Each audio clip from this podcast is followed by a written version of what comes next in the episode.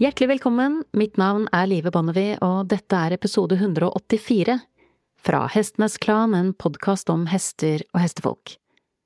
Og jeg kan allerede nå si at dette blir en annerledes episode. For jeg kommer til å starte på en veldig lys note, jeg kommer til å gå veldig mørkt deretter, og så kommer jeg til å dra det opp i lyset igjen etterpå. For det er umulig å starte denne episoden med noe annet enn en stor takk til alle som stemte podkasten og meg frem til en nominasjon til årets sederspris på Dyregalla. Utdelingen var for tre dager siden, og den prisen fikk jeg. Så før jeg gjør noe annet, så vil jeg takke alle som har stemt, for det var disse stemmene som sikret nominasjonen, og ingen nominasjon, ingen hederspris. Jeg vil deretter i særdeleshet takke alle mine fantastiske gjester, som bærer en så stor del av æren for denne prisen og jeg vil takke juryen og arrangørene for deres bidrag til å løfte fram ikke bare arbeidet som er lagt ned i denne podkasten for å styrke hesters velferd, men arbeidet som de andre nominerte har lagt ned. Ikke minst Lisa-klinikken, som drives av Dyrebeskyttelsen, som jeg ikke engang visste at fantes, og som altså hjelper folk som egentlig ikke har råd til å ha dyr, med å få gratis veterinærbehandling, og som samtidig sysselsetter folk som på ulike måter har havnet på utsiden av storsamfunnet. Og så er det jo norske redningshunder, som er drevet frem av et altså så unikt frivillig engasjement at det er umulig å ikke bli berørt av det. Så jeg må starte denne episoden med å si et stort, hjertelig tusen takk.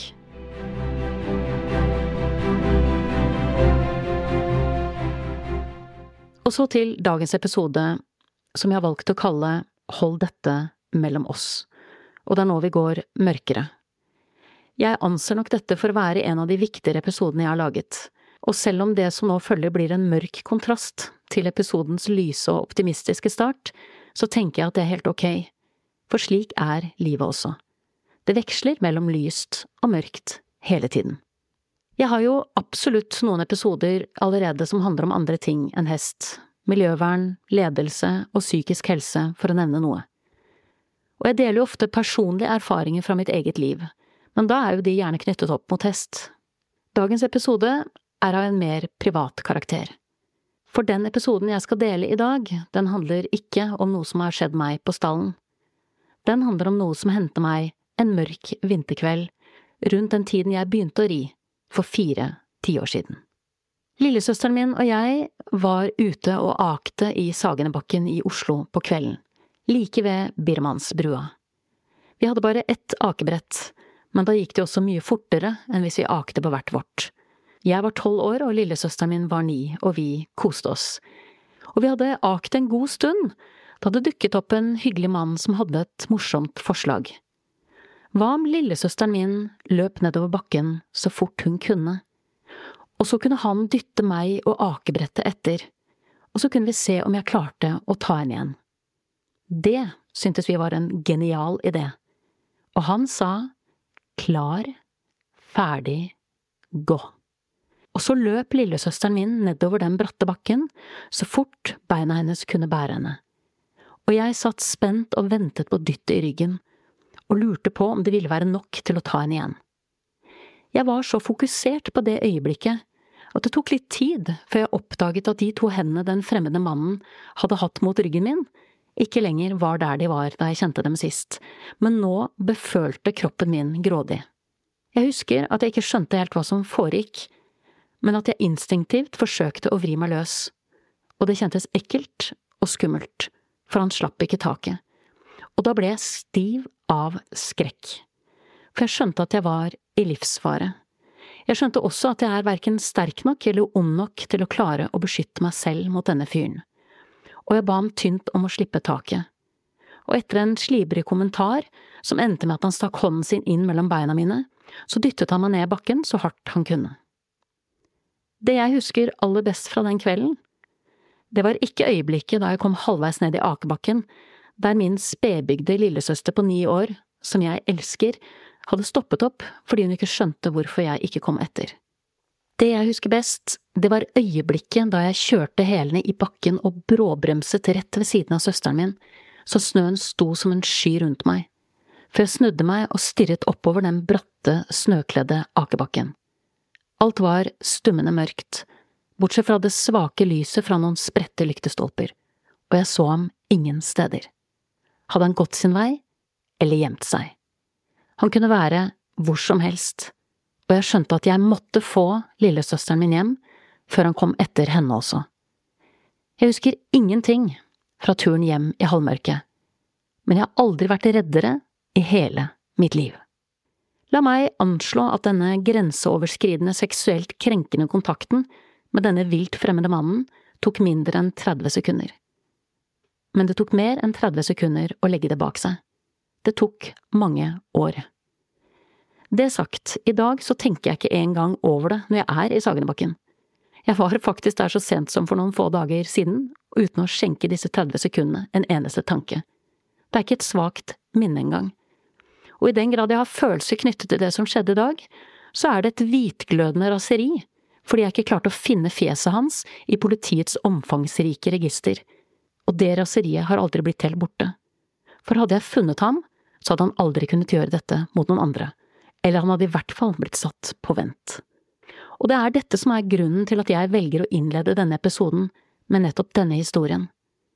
Fordi jeg har kommet over andre historier de siste årene som er egnet til å gjøre meg minst like rasende. Historier som ikke fant sted for 40 år siden. Historier som har hendt og hender andre. Historier som har vart mer enn 30 sekunder.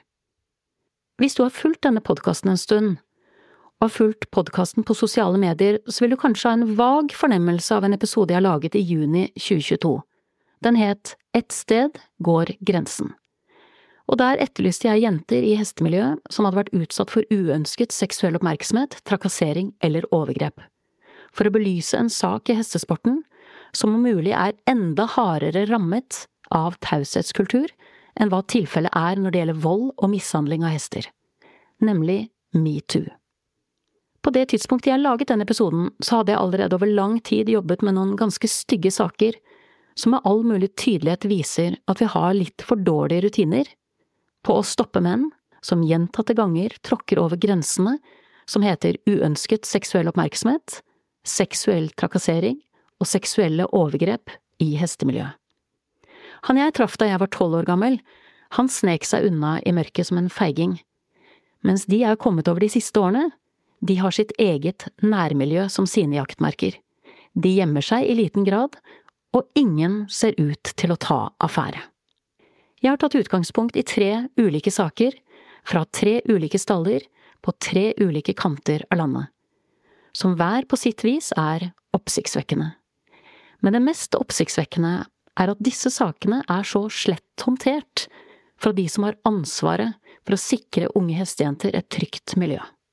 Det jeg har fått sett gjennom research jeg har gjort i forbindelse med dagens episode, er ikke bare dokumentasjon på kontakt som er egnet til å krenke mindreårige det er kontakt av en slik art at jeg selv, i min alder, ville blitt grovt krenket. Jeg valgte å ta meg god tid til å sjekke kildene. For i våre dager så blir ikke ting borte slik de ble på åttitallet. Tvert imot. Der jeg knapt fant et fotspor i snøen etter han jeg ble utsatt for, så er sporene i disse sakene godt synlige også mange år etterpå. De har brent seg fast i meldinger, chatter, snapper, bilder og videosnutter. Dette dreier seg om en håndfull menn, hvorav minst én allerede er domfelt for krenkende seksuell atferd mot mindreårige, og minst to har fått holde på relativt uforstyrret, tross varsler som ikke bare har strukket seg over uker og måneder, men også over år. Det her må det bli en slutt på. Så denne episoden kan betraktes som en blanding av en advarsel og et første steg mot oppreisning for jentene som er ofrene her. Og et første steg i retning av de fortvilte mødrene, som ofte ble stående helt alene i kampen for å sikre døtrene sine det som gjerne kalles trygg rytterglede. For når ble det trygt for en tenåring å dele salrom med en som tidligere er domfelt for å ha tråkket over streken i forhold til mindreårige jenter? Det er viktig å vite om pedofile og menn som har en dragning mot altfor unge jenter, at gjentagelsesfaren er betydelig.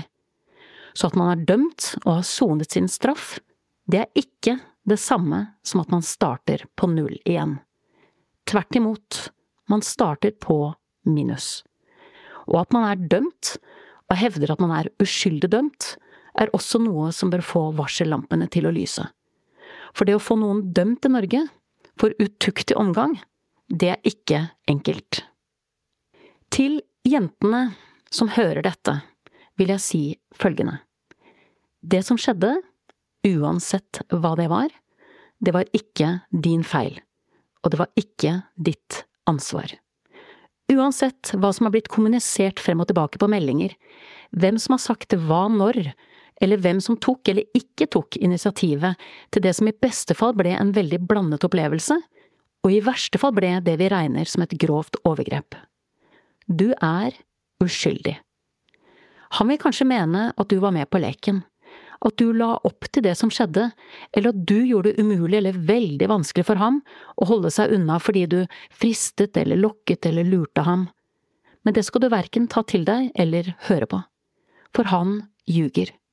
Du er uskyldig, og en voksen mann burde vite bedre. La aldri noen fortelle deg noe annet. Straffeloven i Norge er krystallklar.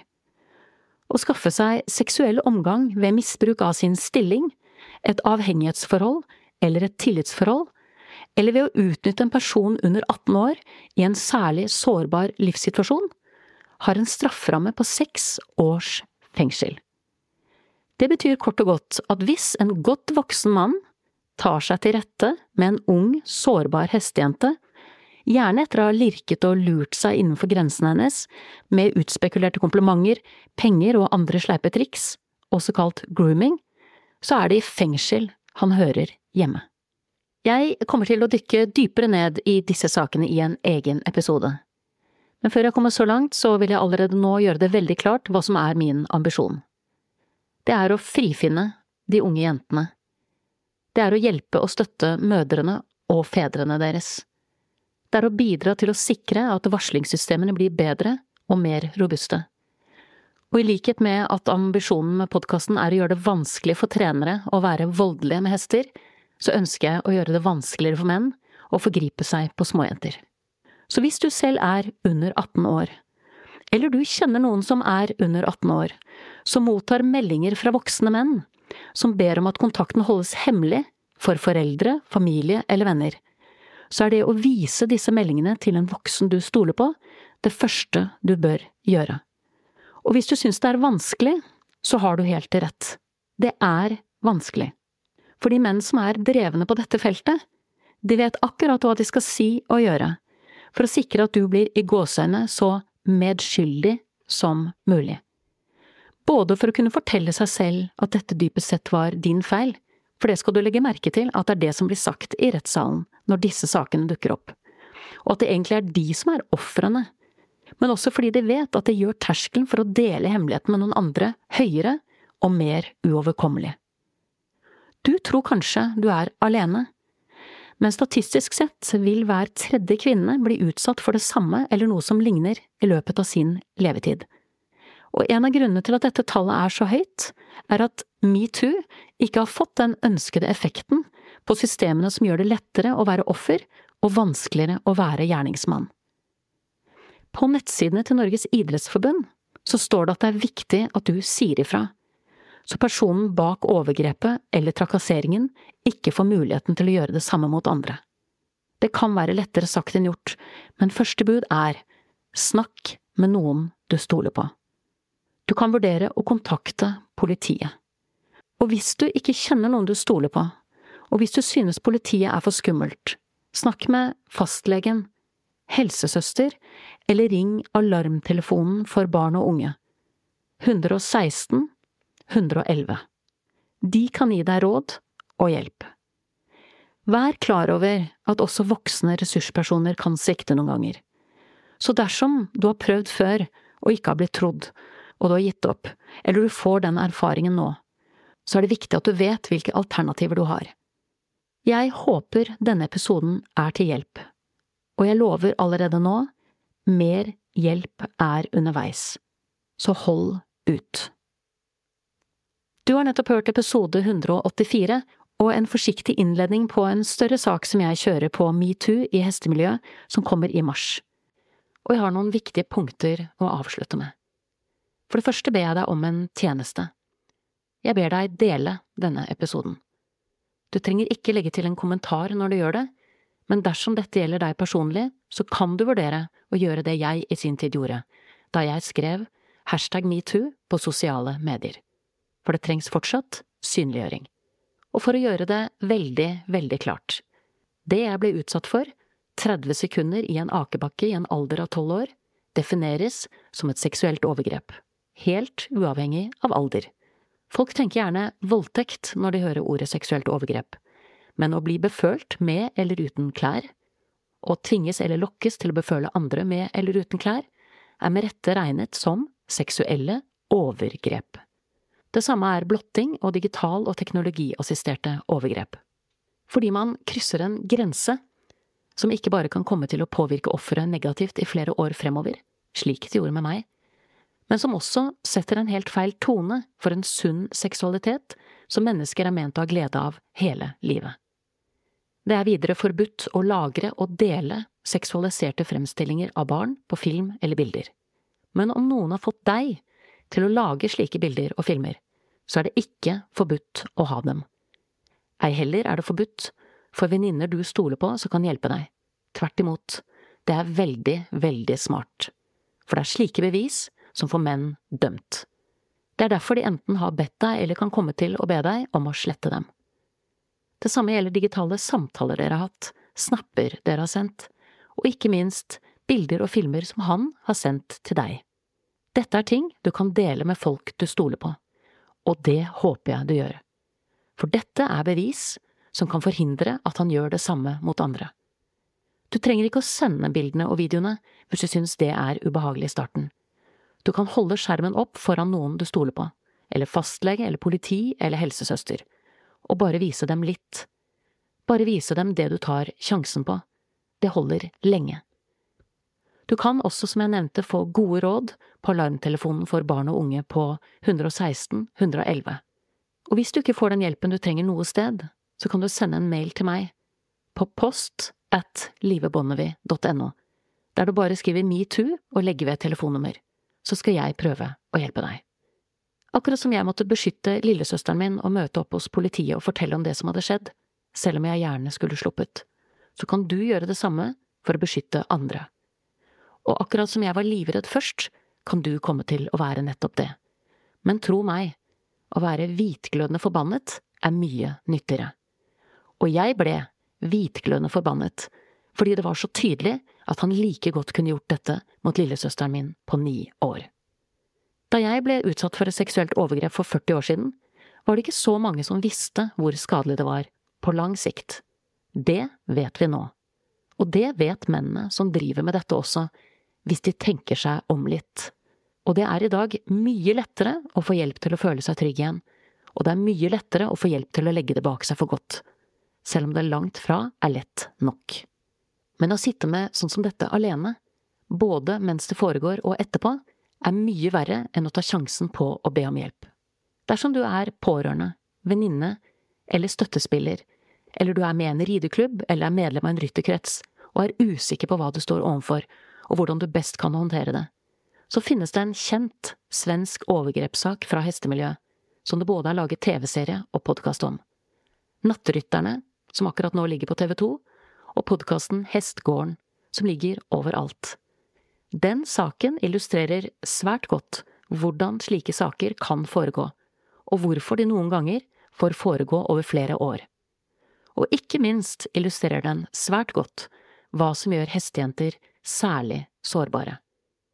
Så dersom du har en hestejente i huset, som forelder, eller er en av dem som er satt til å sikre hestejente trygg rytterglede, så burde det være obligatorisk at du kjenner til den saken. Du finner linker på bloggen min på www.livebonnevie.no. Med dette ønsker jeg å gjøre mitt for å si at det er nok nå, og jeg håper du gjør ditt. En liten ting som du vet om, eller en liten ting som ble gjort mot deg, som kanskje varte bare i noen få sekunder, kan fort vise seg å være en liten ting som er blitt gjort mot veldig mange andre. Og det kan også vise seg å være starten på en stor ting som varer mye lenger.